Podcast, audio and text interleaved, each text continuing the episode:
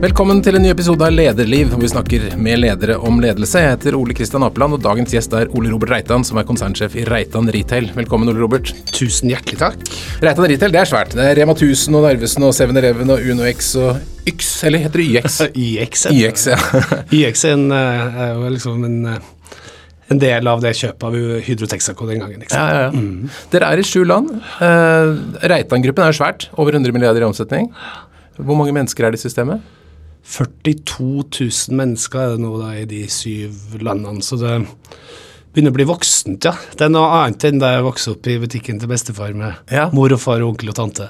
Kan vi ikke, for altså Reitan, det, altså den, den, den familien øh, Hva dere har fått til, er jo et, et fantastisk eventyr, egentlig. Og det starter så vidt jeg vet sånn Eller alle familier går evig bakover, men, Ja. men handelsstarten er sånn rett etter krigen omtrent, er den ikke det? Ja, 1948 starta Ole og Margit, da, mine besteforeldre, sin første butikk da i Nonnegata på Rosenborg i Trondheim.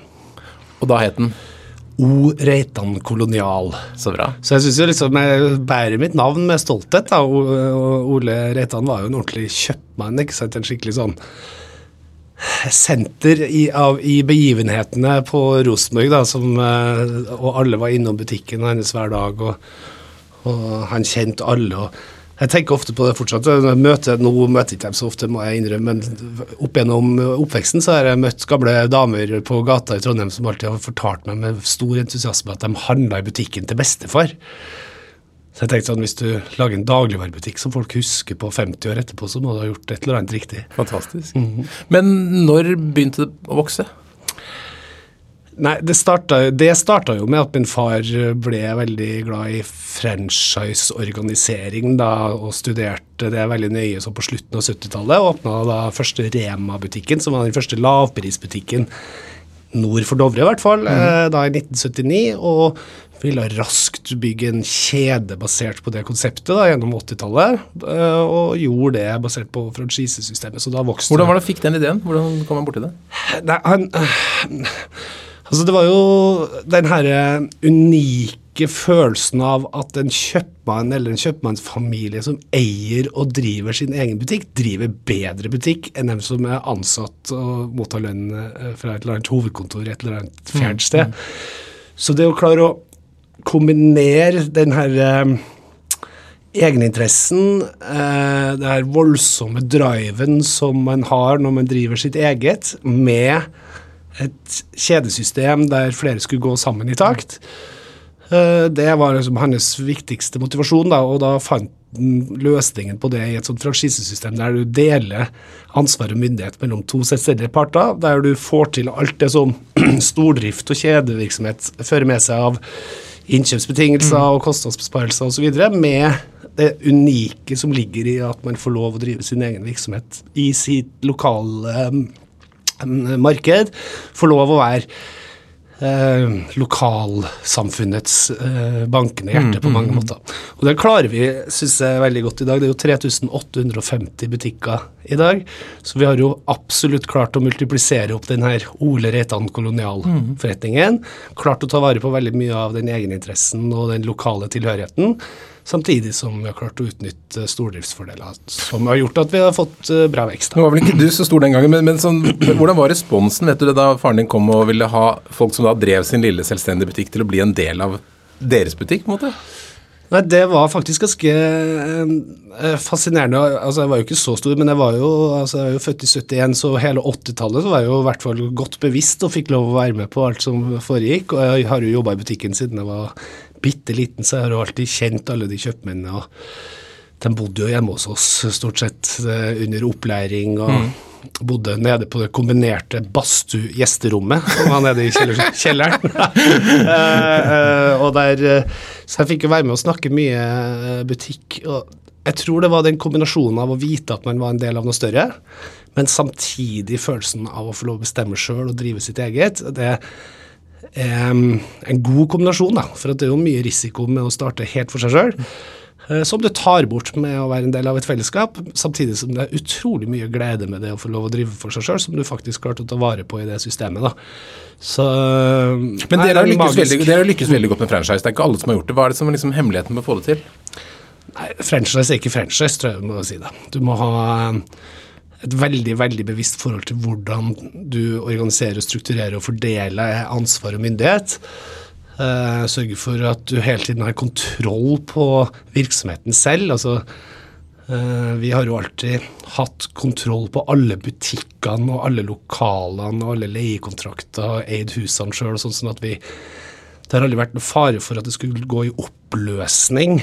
Uh, vi har hatt begge hendene på rattet til enhver mm. tid, så det har vært viktig. Sånn at vi kunne også stilt veldig tydelige krav. og at det har vært veldig lite tvil om hvilke eh, muligheter man har, og hvilke begrensninger som ligger i det, mm. i det systemet som vi har strukturert opp, som vi kaller for Reitan format franchise model. En, en, slags rett til å få lov å drive innenfor et veldig strengt og, og, og uh, godt avgrensa system. Mm. Og dette gjelder alle kjedene, ikke bare Rema? Ja, det har jo måte utgangspunkt i Rema 1000 For da vi tok over Narvesen i 2001, eller fusjonerte i 2000 og tok over i 2001. så laga vi et franchisesystem for eh, convenience, eh, altså kiosk og, mm. og, og, og 7-Eleven, da, som ligna veldig mye på Rema 1000 sin modell, eh, men der noen økonomiske spilleregler er helt annerledes. Men eh, det er jo Rema 1000 sitt franchisesystem som er storebroren og grunnlaget for tankesettet. Hmm. Hvordan har dere jobber det da for at alle som er franchisetaker i Rema 1000, alle som jobber, føler et fellesskap og har en felles kultur? Nei, det er jo um, det å sørge for at vi har et felles sett av holdninger og verdier som gjør at vi utvikler felles mm. atferd, det er det som er måte, kulturbygging i sin kjerne. Og vi har vært veldig opptatt av det at vi, det er to ting vi tror på. Vi tror på egeninteresse. At hver enkelt kjøpmann har muligheten til å drive sin egen butikk og skape sine egne resultater. Mm. Og så tror vi på lavprismodellen. Mm. At lave kostnader fører til lave priser, og lave priser fører til høy omsetning. Og høy omsetning fører til god lønnsomhet hvis du bare eh, passer på eh, pengene dine. Så eh, det er jo utgangspunktet. Verdibasert ledelse, tillit, tillitsbasert samarbeid mellom to selvstendige parter. Og en sterk merkevare eh, med en sterk identitet som folk har bygd en stolthet rundt. Mm. Så dere er jo kjent for de store folkemøtene deres, eller ja. Riks. Har dere det fortsatt? Ja da, vi har store møter med store eh, Det er store arrangementer, og vi synger og vi danser og vi står på bordene. Og noen tror jo at det er på en måte kjernen i kulturbygginga. Det tror jeg egentlig er bare desserten. da. Mm. Uh, det var en uh, Hva heter han for Jeff Cockerell, da han var sjefen i Disney i mange år, han sa at it's not the magic that makes it work, it's the way we work that makes it magic. Det tror jeg veldig på. da. Mm. Det er liksom Hvordan vi har det i hverdagen. Eh, den tilliten som mm. vi viser hverandre, og de mulighetene som vi skaper for hverandre, gjør at vi utvikler eh, ja, rett og slett et tillitsbasert forhold som skaper den kulturen. Og så danser vi og synger vi eh, og, og, ser på det som desserten. Mm. Dere har en visjon i gruppen om at dere skal være det mest verdidrevne selskapet i Norge. Hva ligger i det? Vi tror på verdier og ikke på regler. For alt det vi kan bygge av felles atferd basert på holdninger og verdier, og ikke på forskrifter og vedtak, holdt jeg på å si, det, det skaper muligheter og ikke begrensninger. Da. Så sier jo at uh, læren om verdier uh, skaper muligheter, og læren om uh, regler skaper begrensninger. Så jo færre regler vi kan ha, jo mer vi kan stole på hverandre fordi vi har utvikla et felles sett av holdninger, jo, jo, større muligheter har vi for å mm. lykkes. Hva er de viktigste verdiene deres? De viktigste eh, verdiene våre er jo at vi tror på eh, vår forretningsidé, At vi mm. tror på franchisesystemet, at vi tror på måten å jobbe sammen på. At vi tror på et, eh, en butikkidé der kunden er i, sentrum. Eh, at vi tror på høy forretningsmoral og oppføre oss ordentlig. At vi tror på å sette tæring etter næring og ha et fornuftig kostnadsnivå. Eh, og at vi ønsker å være positive og offensive og fremoverlente. Eh, det er liksom utgangspunktet. Jeg kan holde et langt foredrag om våre verdier. Men jeg tror det viktigste er der. Hvis du tror på kunden og tror på å oppføre deg ordentlig, så er mye gjort. Ja, så bra. Men, men, når dere organiserer på den måten, så betyr det at dere trenger ikke så mye ledelse på toppen ved at dere får mye ledelse ned i butikkene? Ja, vi har vel bevist eh, Det finnes vel veldig gode tall som eh, andre som by byråer utenfor vår kontroll kan, mm. kan, vise benchmark på at vi er ekstremt mye mer effektive enn dem vi konkurrerer med. Både administrasjon, Eh, ikke minst i distribusjon, og også i butikk. Og Administrasjon handler jo rett og slett om at vi trenger ikke så mye folk når de aller fleste beslutninger er desentralt tatt mm. i butikk. Ta, de, ta, så mange beslutninger som overhodet mulig, så nære kunden som overhodet mulig. Eh, det skaper små beslutninger som har små konsekvenser, og som er lette å endre hvis de er feil. Det har gjort at vi har en eh, mer lettbeint administrasjon. Det at vi har et uh, ukomplisert konsept med færre varelinjer uh, i Rema 1000 mm. spesielt, da, gjør at vi kan ha en mye mer effektiv og lettbent distribusjon enn uh, dem som driver med alle mulige typer butikkonsepter i samme system. Og så er butikken mer effektiv rett og slett bare fordi at han eller hun som driver butikken, eier også butikken og mm. passer på sine egne penger. Mm. Men du har jo da sett uh, tusenvis av butikker og ledere uh, på butikksjefer. Mm. Hva er det som kjennetegner en god butikksjef eller god franchisetaker som lykkes? God struktur og, og vise tillit til sine ansatte. Jeg har, sånn, har masse sånne supereksempler, selvfølgelig. Men jeg har en god venn i Bergen som driver en kanonbra Rema 1000-butikk. Fantastisk butikkstandard. Veldig fornøyde kunder. Aldri noe gærent med den butikken. Det er så rent at du kan spise frokosten rett av eh, butikkgulvet, nesten. Han uh, har ingen faste oppgaver i sin butikk. Alt er, er liksom eh, eh, distribuert ut av oppgaver til, til sine ansatte eh, med et fundament av tillit i bånn. Nå er det noe av de laveste lønnskostnadene jeg tror at jeg har sett i en Rema-butikk noe sted. Ehm, det er til tross for at den ikke egentlig utfører et eneste altså, en eneste praktisk arbeidsoppgave selv. For sørge, ja, sørge for å ha en maskin som bare går. Rett og slett Der alle sammen vet hva de skal gjøre, og alle vet hva kompisen gjør, og så, og så fungerer det bare av seg selv, basert på at folk yter bedre hvis de blir vist tillit. da. Har du prøvd den modellen selv? Ingen faste, ja. ingen faste oppgaver? Uh, ja, altså det er jo noen som spør meg noen gang hva, hva, gjør du egentlig? Det er i hvert fall ingen tvil om at butikken åpner helt uavhengig av meg mm. hver eneste dag. Uh, ja, jeg har hatt som mål å prøve å ta så få beslutninger som mulig. Jeg tenker Hvis jeg skal sitte på et kontor og folk skal fyke inn og ut av det kontoret og spørre meg om hva jeg syns om alt mulig hele tiden, da har vi en veldig dårlig struktur. Mm. Eh, vi har de flinkeste folkene i norsk næringsliv jobbe hos oss. Alle, veldig mange folk som har lyst til å komme og jobbe hos oss. Hvis jeg skulle bestemme hvordan de skulle løse oppgavene sine, så tror jeg jeg ville gjort dem veldig dårlig. Så um, mitt mål er å sørge for å spre gode holdninger og gode verdier, uh, og fortsette uh, å vise folk tillit fortsette å predike vår forretningsidé eh, og predike vår eh, religiøse overbevisning om at eh, egeninteresse og tillit fører til gode resultater. Mm. Og da skal egentlig maskina gå av seg selv. Så um, ja, og jeg bruker det som eksempel. da. Alle 3850 butikkdører åpner hver eneste morgen, selv om jeg ligger på fjellet og ser ut av vinduet. Så uh, ikke dermed sagt at man skal bli lat av den grunn, men for at det er mer enn nok å reise rundt og, og, og predike det gode budskap om nettopp det tillit og, og, og egeninteresse men eh, maskina må gå av seg selv. Men de butikkene som gjør det bra, de har jo da en bra struktur og kultur i butikken. Hvordan skaper altså, hvordan, hvordan, ser du at det er bra kultur i en butikk? Ser det med en gang du kommer inn døra, ser det i øynene på dem som jobber der. Mm.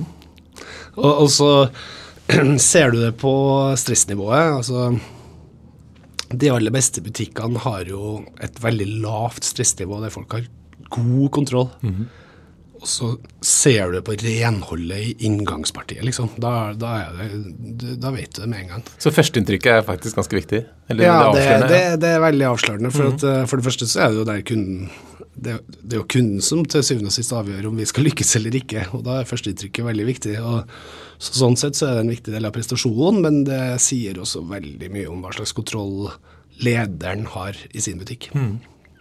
La oss snakke om Rema 1000. Det, det, er jo en veldig kjent virksomhet. Vi måler jo omdømmet til Rema 1000. Det er veldig godt kjent. Det er Norges mest kjente selskaper og godt omdømme. Men dere har hatt litt motvind de siste årene. Vært en liten dump i hvert fall i forbindelse med noe som het bestevenn. Hva var det som skjedde der? Det var ingenting som het bestevenn. Nei, det var, det var, en bestevennstrategi. Min gode venn eh, Marita Valvik i Aftenposten som fant på det. Nei da, jeg skal ikke skylde på noen andre enn oss selv. Det var um, um, det var en feilslått innkjøpsstrategi eh, som var en litt sånn panisk eh, Et slags panisk forsøk på å skaffe oss innkjøpsbetingelser som gjør at vi kan sikre at vi kan konkurrere på pris mot en konkurrent som er dobbelt så stor som oss. Eh, som helt beviselig får veldig mye bedre innkjøpsbetingelser enn oss. Og for å i, eh, I et forsøk på å prøve å utjevne de forskjellene, så prøvde vi å legge mye større deler av våre volumer over på enkeltleverandører. Med det resultatet at andre fikk mye mindre volum. Eh, de andre ble ikke så fornøyd med det.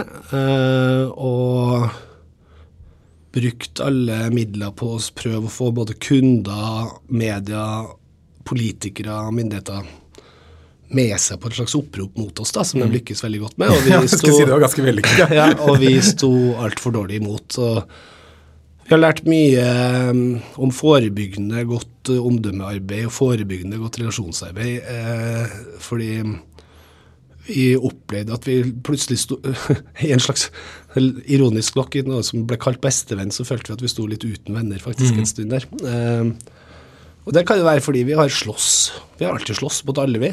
Vi har alltid vært minst. Eh, jeg har vært eh, vant til å slå oppover hele mitt liv, og så tror jeg på et eller annet tidspunkt som tror man selv at man fortsatt er i en posisjon der man driver og slår oppover, mens alle andre ser på det som en gigant som eh, banker og slår nedover. da. Og det var nok en selv om jeg har lest den boka mange ganger, som, eh, som du prediker veldig også, om eh, liksom, det er kort vei med fra helt til monster, så um, trodde jeg faktisk at det fortsatt var ei utfordrerposisjon. Uh, det var ingen andre som, som trodde lenger. Så det var en, det var en krevende Og for, du, for det som du jobber med omdømme, ikke sant, så, så Klart, eh, Vi følte oss litt usårbare også. 40 års eh, evig suksess. Alle sammen har heia på oss bestandig. Vi har eh, slåss mot det etablerte. Vi har uh, jobba for lavere priser. Vi har liksom um, ja, følt at vi har hatt folket i ryggen, og så plutselig så hadde vi ikke det. da, Så det var en uh, aha-opplevelse og, og voldsom læring i det. da. Ja, så Hvis du skulle gjøre en tilsvarende sånn strategisk stor endring igjen, hva ville du gjort annerledes? Um, kommunisert annerledes, i hvert fall helt åpenbart, og forberedt oss bedre. og prøvd å unngå den aggressive tonen. Jeg tror dere hadde en periode der sånn 2016-2017 jeg var veldig sint på veldig mange. Jeg synes det var liksom, eh, jeg var rett og slett det, altså, for at jeg syns vi slåss i unødvendig hard motvind. Ingen hjelp å få fra Konkurransetilsynet, som er det viktigste organet for å regulere konkurransen i norsk dagligvare.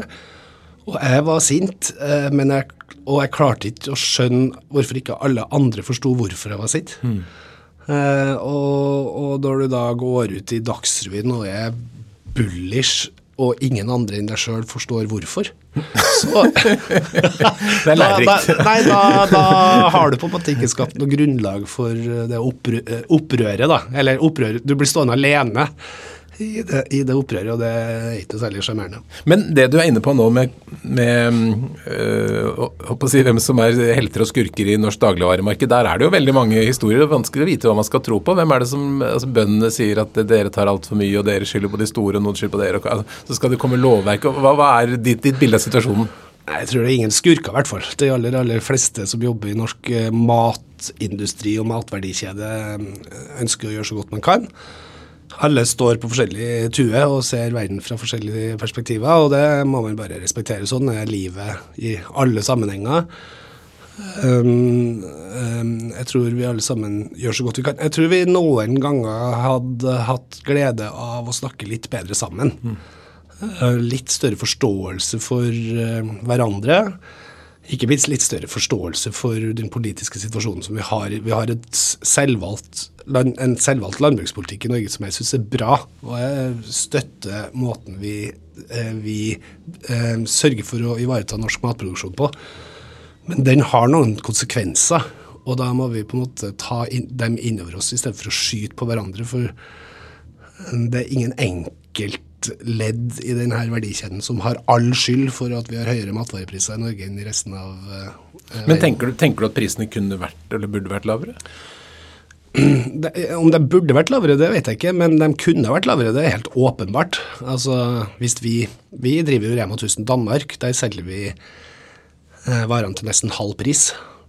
Så, øh, og vi driver jo butikken på akkurat samme måte i Danmark som vi gjør i Norge. Så hvis vi hadde, kunnet kjøpt varene inn til samme pris i Norge som vi gjør i Danmark, så hadde vi kunnet solgt dem ut til halv pris. Det er, det er bare faktum.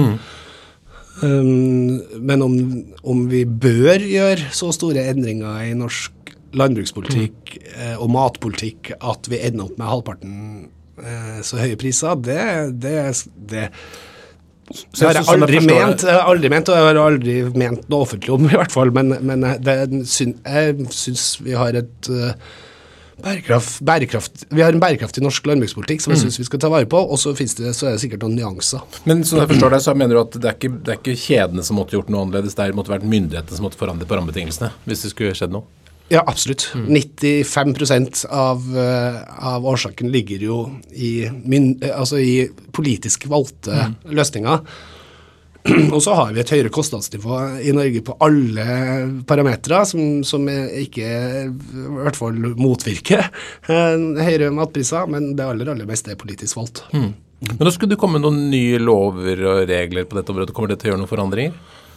Ja, det gjør det. fordi at uh, i dag så er det sånn at den som har høyest kostnader, driftskostnader i drifta si av dagligvareaktørene, har, lavest, eller har, eh, har ikke de laveste prisene, men eh, er like konkurransedyktig som den som har lavest kostnader.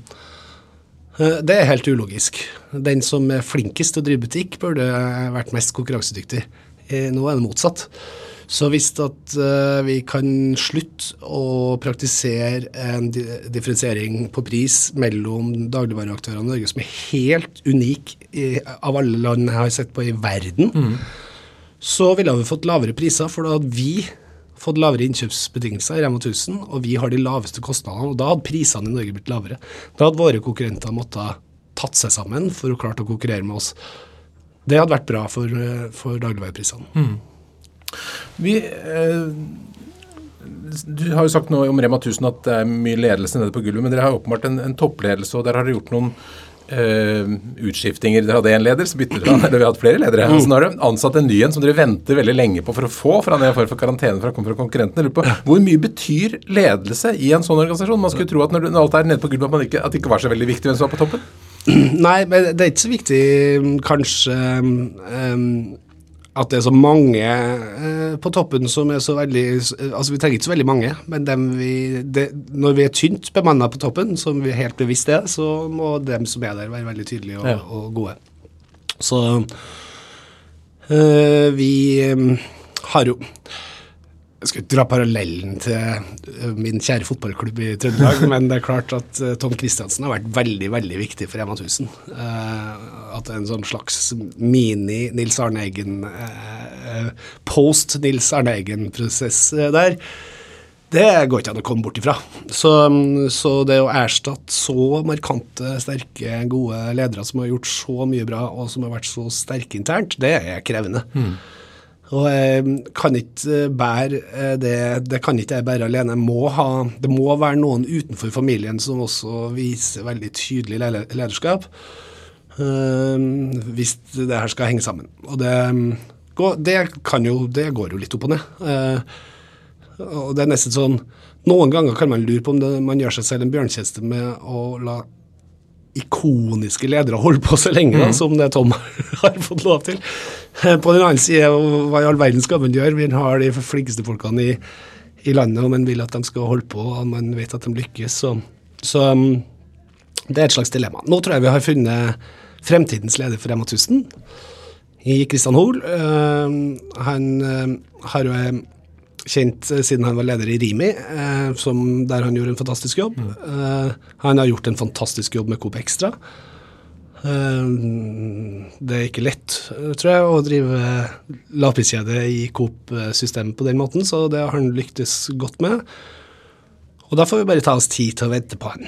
Og hva er det som blir hans oppgave? da? Hva er det som, hva er, det som er viktig for en sånn toppleder for å lykkes? Sørge for at vi fortsetter å smøre den motoren som heter franchisesystemet mm. vårt. Da. Og, det, og så sørge for å opprettholde en kultur som gjør at vi kan ha det laveste kostnadsnivået i administrasjonen og distribusjonen og i butikk. Mm. og det er egentlig eh, i veldig stor grad det. Og så sørge for at vi henger med i utviklinga, at vi lager den lavprisbutikken som folk eh, i 2022 og i 2030 ønsker seg. da. Men det er litt fascinerende at du, når du har et såpass si, selvgående system med masse små sjefer og et sterkt konsept, så, så, trenger du likevel en sterk leder på toppen der? Ja, man trenger alltid en sterk leder på toppen. Men um, Det tror jeg man gjør i alle systemer, men det er enda viktigere i et system som, der det ikke er så mange eh, ledere, der det ikke er noe særlig byråkrati. altså vi skal vi, ta, vi pleier å si at når andre sitter i møter, så beslutter vi å gjennomføre. Mm. Uh, og da må vi ha folk som vet hva de gjør. Um, og som ikke trenger ryggdekning for alle ting, men som tør å gå ut i krigen på egen hånd. Og da Hva slags egenskaper er du ser etter når du finner sånne folk? Nå er jo jeg vokst opp i, i butikken, da, på, på, gulvet, sånn helt bokstavelig talt, mm. sammen med min bestefar og, og min far osv. Jeg tror den forståelsen, den eh, naturlige, ikke tillærte, men helt eh, genuine forståelsen for hva det vil si å drive butikk, som er litt sånn uangripelig masse av egenskaper, eh, men som du enten har eller ikke har. Mm Eh, at du eh, evner å skape gode relasjoner og skape eh, god tillit ute i organisasjonen. Og at du rett og slett forstår folks hverdag. da. Snakker folk sitt språk. Mm. Fokuserer på de rette tingene. Fokuserer på å få nok ting til at folk får det med seg. Ja. Det tror jeg er nesten det viktigste. Men oppi alt det her grunnleggende forståelse for hva det vil si å drive en dagligvarebutikk. Mm. Det er utgangspunktet for å bli en god leder i, i Rema. Okay. Du driver jo selskapet sammen med, faren din og broren din. Kan ikke du si litt om hvordan dere har fordelt det ansvaret mellom dere? Ja, Nå har det jo vært eh, Nå har jo vi gjort om litt igjen, da, men en periode Jeg har nå hatt ansvaret for Rema 1000 da, siden 2001, så det har jo blitt over 20 år, da. Det er jo eh, en morsom reise. Og så har jo Magnus hatt ansvaret for Narvesen og 7-Eleven i mange år. Eh, nå, eh, for noen år siden så gikk han ut av det og bestemte seg for å bygge opp Reitan Kapital, som er vårt eget kapitalfond. En sånn reservekrigskasse, som noen har kalt det, med en reservefond. Eh, og så eh, har jo min far vært styreleder i alle selskapene frem til nå for et års tid siden. Og nå, han, nå, fokuserer han mer på eierrollen i Reitan-gruppen. Reiser ut og sprer det gode budskap om verdibasert ledelse og om franchise osv. Og, og så skal jeg drive handelsvirksomheten. Rema 1000, Reitan Convenience og UnoX. Og Magnus driver um, da Reitan Kapital. Og så møtes vi i styret. Mm. Uh, og så er Odd uh, veldig veldig opptatt av Reitan eiendom også, da, som, eh, som er blitt en større og større del av Reitan-gruppen totalt sett. Og hotell, da? Hotell, vet du, og vi skal bygge teater og museum. bygge store lagerbygg og kyllingfabrikker, og det er ikke noe måte på. Så vi driver med mye forskjellig. så så sånn sett kan du si akkurat nå så Odd bruker min far da, bruker mest tid på eiendom, jeg bruker mest tid på handelsvirksomheten, og Magnus bruker tid på retta kapital, og så møtes vi og er sammen eh, og, og informerer hverandre så ofte vi kan. Hva er utfordringene og fordelene med å jobbe sammen som familie? Eh, det er veldig mange fordeler, i hvert fall for at vi, vi vi kjenner hverandre så godt og vet hvordan hverandre tenker og kjenner hverandres styrker og svakheter eh, på så utrolig mange måter. Så vi kan, ut, eh, vi kan utfordre hverandre eh, positivt på det, og, og, ikke minst så kan vi utnytte hverandres styrker. da. Eh, Bakdelen må det være eventuelt at eh, det er vanskelig å skille mellom privatliv og, og jobb. da. Mm. Um, det blir veldig sjelden sånne gode samtaler om uh, andre ting enn butikk når vi er sammen, fordi at uh, vi har så utrolig mye spennende vi driver med. Så du vet ikke hva broren din gjør i påsken? Jo, jeg vet uh, hvor broren min har vært i påsken, og jeg vet hvor faren min har vært i påsken. Men nå, nå, nå, skjer det en endring. Dere, dere planlegger jo etter hvert da å børsnotere dette. Hvorfor gjør dere det? Eh, Vi gjør det fordi vi tror at selskapet fortjener å få et større aksjonærfellesskap som eier. Eh, Vi tror at eh, selskapet fortjener å være enda mer transparent og tilgjengelig for folk flest. Det er stor samfunnsdebatt rundt matvareproduksjon og matvaredistribusjon hele tiden. Vi tenker at et stort norsk dagligvareselskap på børs vil gjøre det lettere for folk å følge med på hva som skjer. Eh, det er et selskap med over 100 milliarder i omsetning, som har over 40 000 mennesker som jobber i selskapet, som gjør at det har en sånn størrelse som gjør at det passer veldig godt eh, på Oslo Børs. Det passer godt med et bredt aksjonærfellesskap. Eh, passer godt med å fortelle folk hvert kvartal hvordan det går. Eh, og ikke minst, alle kan være med og eie. Eh, jeg ser for meg at i hvert fall alle kjøpmenn og alle ansatte og og kanskje til og med alle kunder mm, har lyst til å være med på eiersida etter hvert. Og så um, tror jeg at det er inspirerende for alle. Og Så blir deres svar på medlemskortet i Coop det blir å ha aksje i Reitan? Du kan i hvert fall være ordentlig eier da i Reitan, ikke liksom-eier, sånn som du i enkelte andre steder. Når kommer dette til å skje? Nei, um, det kommer til å skje når vi er klar. Uh, og det Nå vil jo noen si at vi, de syns at vi har og forberedt oss lenge, men det er faktisk en ganske omfattende prosess å, å forberede seg for børsnotering også. Du skal være helt sikker på at eh, det du sier er sant, og at du kan levere det du lover. Eh, at vi er klare på alle mulige vis. Og, det, og så er det selvfølgelig noe eh, eksteriøre eh, omstendigheter som ikke har vært helt heldige heller, da, med pandemi, og nå har vi krig, ikke sant, så vi, så det, vi må forholde oss til både det omverdenen og ikke minst eh, det indremedisinske. Så når timingen er riktig, så, så skal vi komme i gang. Men tenker dere fortsatt å eie majoriteten? Ja, det har vi sagt. At vi gjør en minoritetspost eh, tilgjengelig for andre aksjonærer. Hva tror du dette kommer til å bety for dere i familien? Eh, Det betyr at vi må levere det vi lover i enda større grad. Det, det fins ingen tilgivelse et, eh, på en børs, på samme måte som du kan få mellom en far og to sønner. Så når vi lover noe, så må vi levere på det. Jeg tror det blir bra for hele organisasjonen at vi kjenner på at eh, prestasjonspresset øker litt.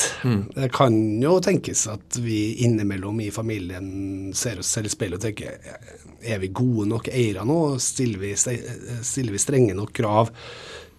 Pusher vi organisasjonen eh, nok? Um, kanskje vi trenger litt hjelp på eiersida, rett og slett, til å bli en enda mer eh, krevende eier. Da, samtidig som vi tar vare på de grunnleggende elementene som beviselig har vært veldig vellykka i vår filosofi. Eh, og det har vi sagt at eh, hvis vi skal på børs, så skal vi på børs med et selskap som ledes etter vår filosofi også eh, videre. Og Hvis man skulle finne på å investere i dette, så må det være fordi man tror på, på varehandel da, i fremtiden. Hvordan ser, hvordan, hvordan ser du for deg at handelen kommer til å være fremover? Nei, eh, vi har jo Det er i hvert fall én ting som er helt åpenbart, at vi skal ha mat eh, også fremover. Jeg tror at i de skandinaviske markedene så vil folk eh, eh, i veldig stor grad fortsette å handle i fysiske butikker i ganske lang tid fremover, samtidig som man sakte, men sikkert har nødt til å selvfølgelig eh, legge til rette for digitale løsninger. Det skal vi alltids klare å levere på. Så tror vi på at convenience eh, eh, blir viktigere og viktigere. Jeg tror at folk skal flytte seg eh, mer, ikke mindre, etter en ordentlig nedtur nå det siste. Så nå sitter vi og ser ned på Oslo S her og regner på at eh, trafikken er på vei tilbake til normalen. Og, og det, så folk skal flytte seg mer enn før, ikke mindre. Eh, så da tror vi på at eh, convenience og det å være tilgjengelig langs vei eh, og, og på alle trafikknutepunkt er viktig.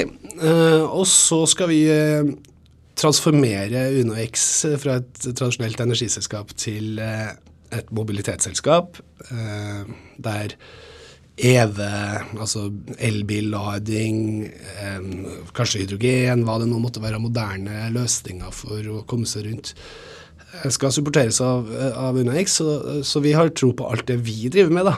Uh, uh, ja, og, og, så kan det jo hende at vi skal se på nye uh, forretningsområder etter hvert som, som, passer godt inn i vår fold, som passer godt for, franchise, for en franchiseorganisering, som passer godt inn i en type lavprisfilosofi, f.eks. Så um, ja, vi har veldig, veldig store ambisjoner for vår egen vekst, og tror selvfølgelig veldig på at uh, dagligvarebransjen i, i, Skandinavia fortsatt har framtida for seg. Nå har dere fått en ganske hissig konkurrent i Oda. De har jo til og med uh, stakk av gårde med beste eller billigste handlekurv her en dag. Det var så utrolig gode betingelser du, fra, fra Rema distribusjon. ja, men, men, men, tenker du, er, er, det, er, det, er det, Kommer de til å ta en stor andel, tenker du? Eh, min kloke far har jo lært meg at det er, ingen, eh, det er ingen kunst å nå målet hvis du ser bort fra kostnadene. Eh, så hvis det eneste målet i livet er å være billigst, og det ikke spiller noen rolle om du tjener penger, så er det klart at da kan jo alle være billigst. Mm. Men det er ikke så veldig bærekraftig over tid. og jeg tror jo fortsatt at det er lenge til at hjemmehandelsløsninger i så små dagligvaremarked som det vi har i Skandinavia, blir eh, blir så effektive at man kan konkurrere på pris mot dagens lavprisbutikker. Men nå skal ikke jeg sitte her og, og, og, og, liksom bli tatt på det her om 15 år. Sånn internett er en flopp-uttalelse. Uh, det, det, her er sånn som jeg ser det akkurat nå. Uh, det er under 200 000 innbyggere uh, i snitt i de ti største byene i Norge. Det er nesten to millioner innbyggere i de ti største byene i England. Mm. I England er det fortsatt ikke lønnsomt å drive med hjemmehandel eh, av dagligvare. Eh, det er noen naturlige forutsetninger her, da. Eh, samtidig som vi har 700 butikker per 1 million innbyggere i Norge, mot under 200 i, i England. Ja. Så, vi, så, folk handler på vei til og fra jobb og på vei til og fra trening og, og, og bruker butikken i veldig stor grad som, en, som et kjøl, kjøleskap i hverdagen. Mm. Uh, som gjør at det kommer til å ta tid. Uh, det er jeg sikker på. Men um, jeg var jo den første jeg var jo en av de første i Europa som starta nettbasert dagligvarebutikk allerede i 1996. Jeg si det var bare jeg og to stykker til som hadde abonnement på oslonett.no mm. den gangen. Og alle tre handla i den butikken, men det hjalp ingenting. Så, så jeg skal Eh, ikke sitte her og plutselig ha blitt 50 år og ikke tro at verden forandrer seg. Men den forandrer seg ikke så raskt at ikke vi skal klare å bli med på den reisen. Men hva med selve opplevelsen i butikk? Vi, vi ser jo flere og flere sånne selvbetjeningskasser, og til og med finnes det helt ubetjente butikker. Er det noe som dere kommer til å satse på? Vi har åpna vår første ubekjente butikk, eh, riktignok en Pressbyrån-butikk i, i Stockholm sentrum, eh, der du bare går inn og plukker med det du skal ha, og går ut igjen, og så har du betalt. Eh, det er en teknologi som vi følger veldig nøye med på, eh, og den er per i dag altfor dyr til at det er bærekraftig i en Rema-butikk, men det kommer til å forandre seg. Selvskanning Rema 1000 Majorstua ligger på T-banestasjonen på Majorstukrysset. Mm. Har vel 80 eh, av omsetninga på selvskanning. Uh, og folk går jo til selsk står jo heller i kø foran selvskanneren istedenfor å gå i den ledige kassa. Så folk venner seg til uh, selvskanning sakte, men sikkert, og det fungerer helt utmerket, det. Uh, så får vi bare være med kunden på den reisen. Mm. Mister vi da en slags sånn sosial dimensjon i butikken når man ikke kan si hei og hå til denne kassen? Eh, Nemet, da, som driver på Majorstua, han mener det motsatte. At han har bedre tid til å være ute på gulvet og prate med folk på gulvet, istedenfor å sitte låst bak en kasse. Eh, når du sitter bak den kassen, så er det liksom begrensa hvor mye dialog du du klarer å, mm. å, å, å, gjennomføre med kunden der og da, men ute på gulvet i frukt- og grøntavdelinga så kan du snakke om varene og du kan snakke om været på en helt annen måte enn du får gjort i kassen. Så han mener motsatt. Du, eh, du, har jo uh, Dere er jo i evig endring. Jeg hører at du orienterer deg mot England. Altså, hvor, hvor, ser dere for liksom, når du skal se fremtiden? Hvor er det du ser den? Ja, det er vanskelig. Det har forandra seg veldig. Altså, mm, jeg har jo definitivt vært veldig inspirert av England for at engelske dagligvarekjedene var veldig, veldig gode da jeg var ung. Si, for Yngre. Yngre, for ti år siden. ja. Så jeg lærte mye av Tesco, Sainsbury og Asta og osv. Jeg har selvfølgelig lært masse av Aldi og Lidl i Tyskland og i Europa spesielt. Eh, der, og så har vi i Spania eh, Mercadona som er kjempegode, som kanskje har vært eh, noe av det viktigste inspirasjonskilden de siste ti årene. Eh, Men også bare å reise til USA og gå på Whole Foods mm. og se hva som er mulig å få til. eh, Litt annet vareutvalg enn Rema Helt annet vareutvalg, men ekstrem fokus på bærekraft og helse og, og fremtidsorienterte løsninger.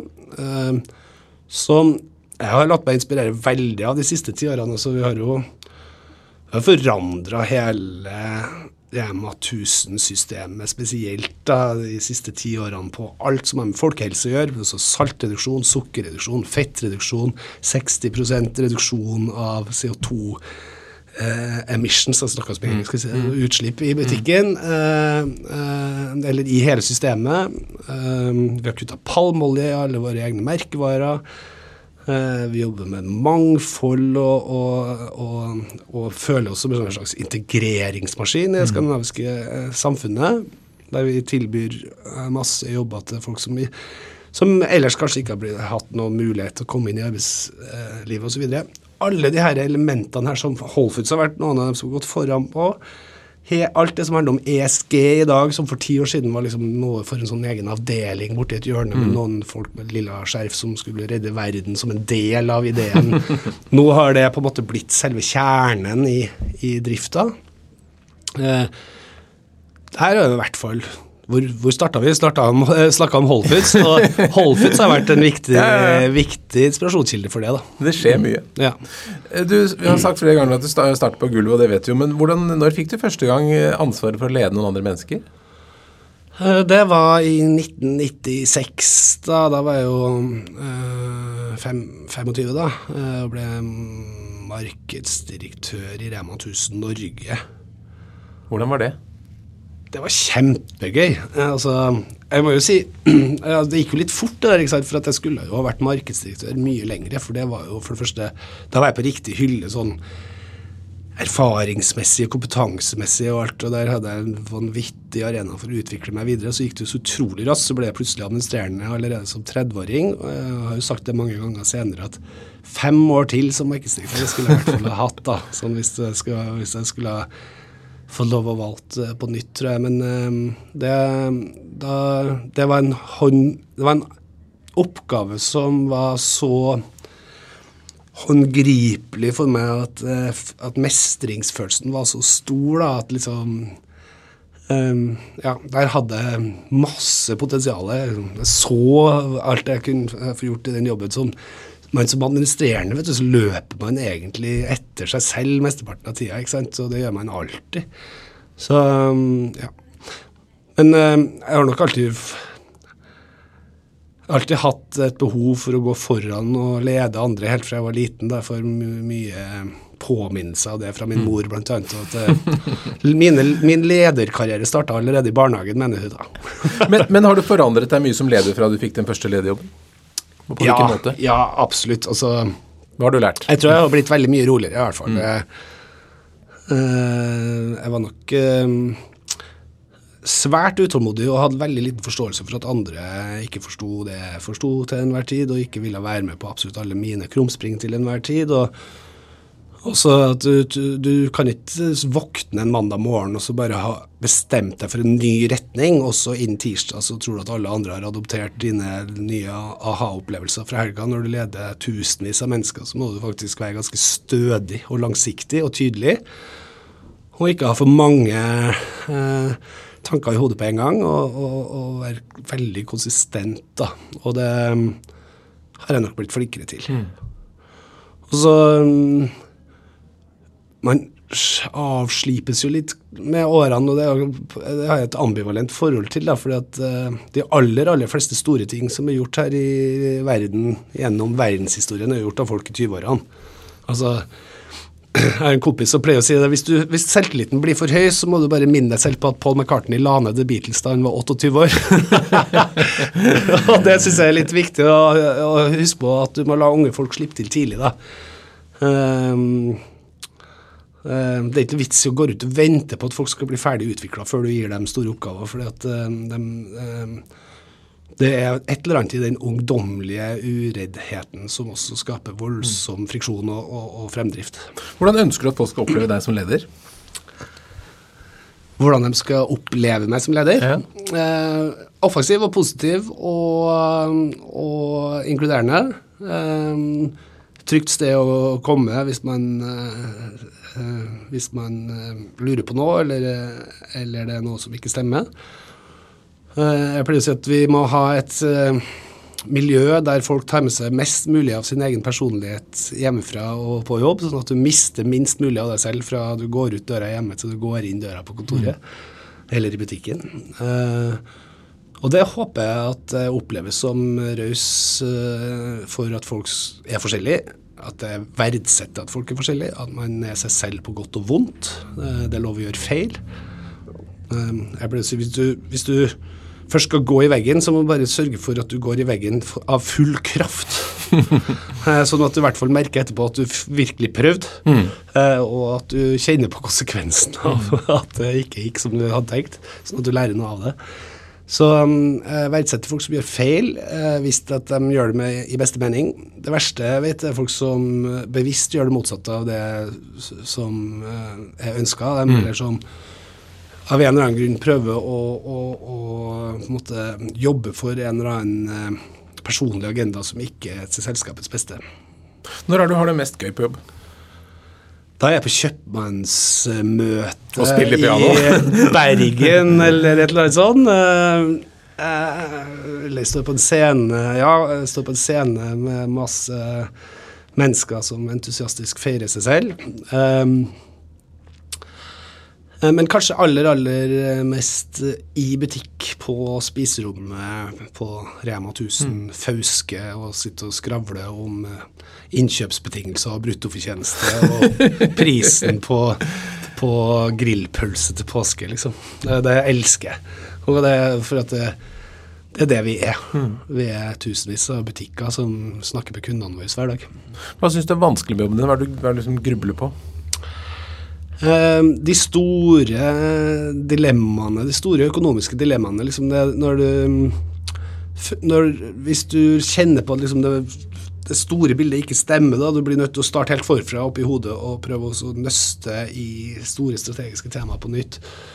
Da, det, da, det, det syns jeg er krevende, for det har en veldig noen grunnleggende enkel forståelse av vår butikk. Eh, og jeg vil at den, jeg tror da at det er mulig at selv om det her selskapet har blitt mye mer komplekst, selvfølgelig fordi det har blitt større, så må vi for guds skyld sørge for ikke å gjøre det mer komplisert.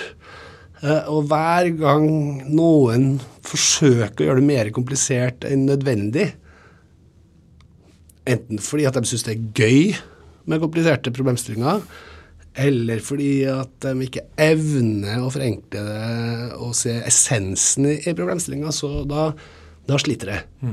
Så min, da, da kan jeg nok bli sett på som primitiv, da, for da går jeg helt tilbake til utgangspunktet. Vi selger melk og brød. Vi kjøper en vare for kroner X, og så selger den for kroner Y, og det som er imellom, det er vår fortjeneste. Mm. Hvor vanskelig kan det være?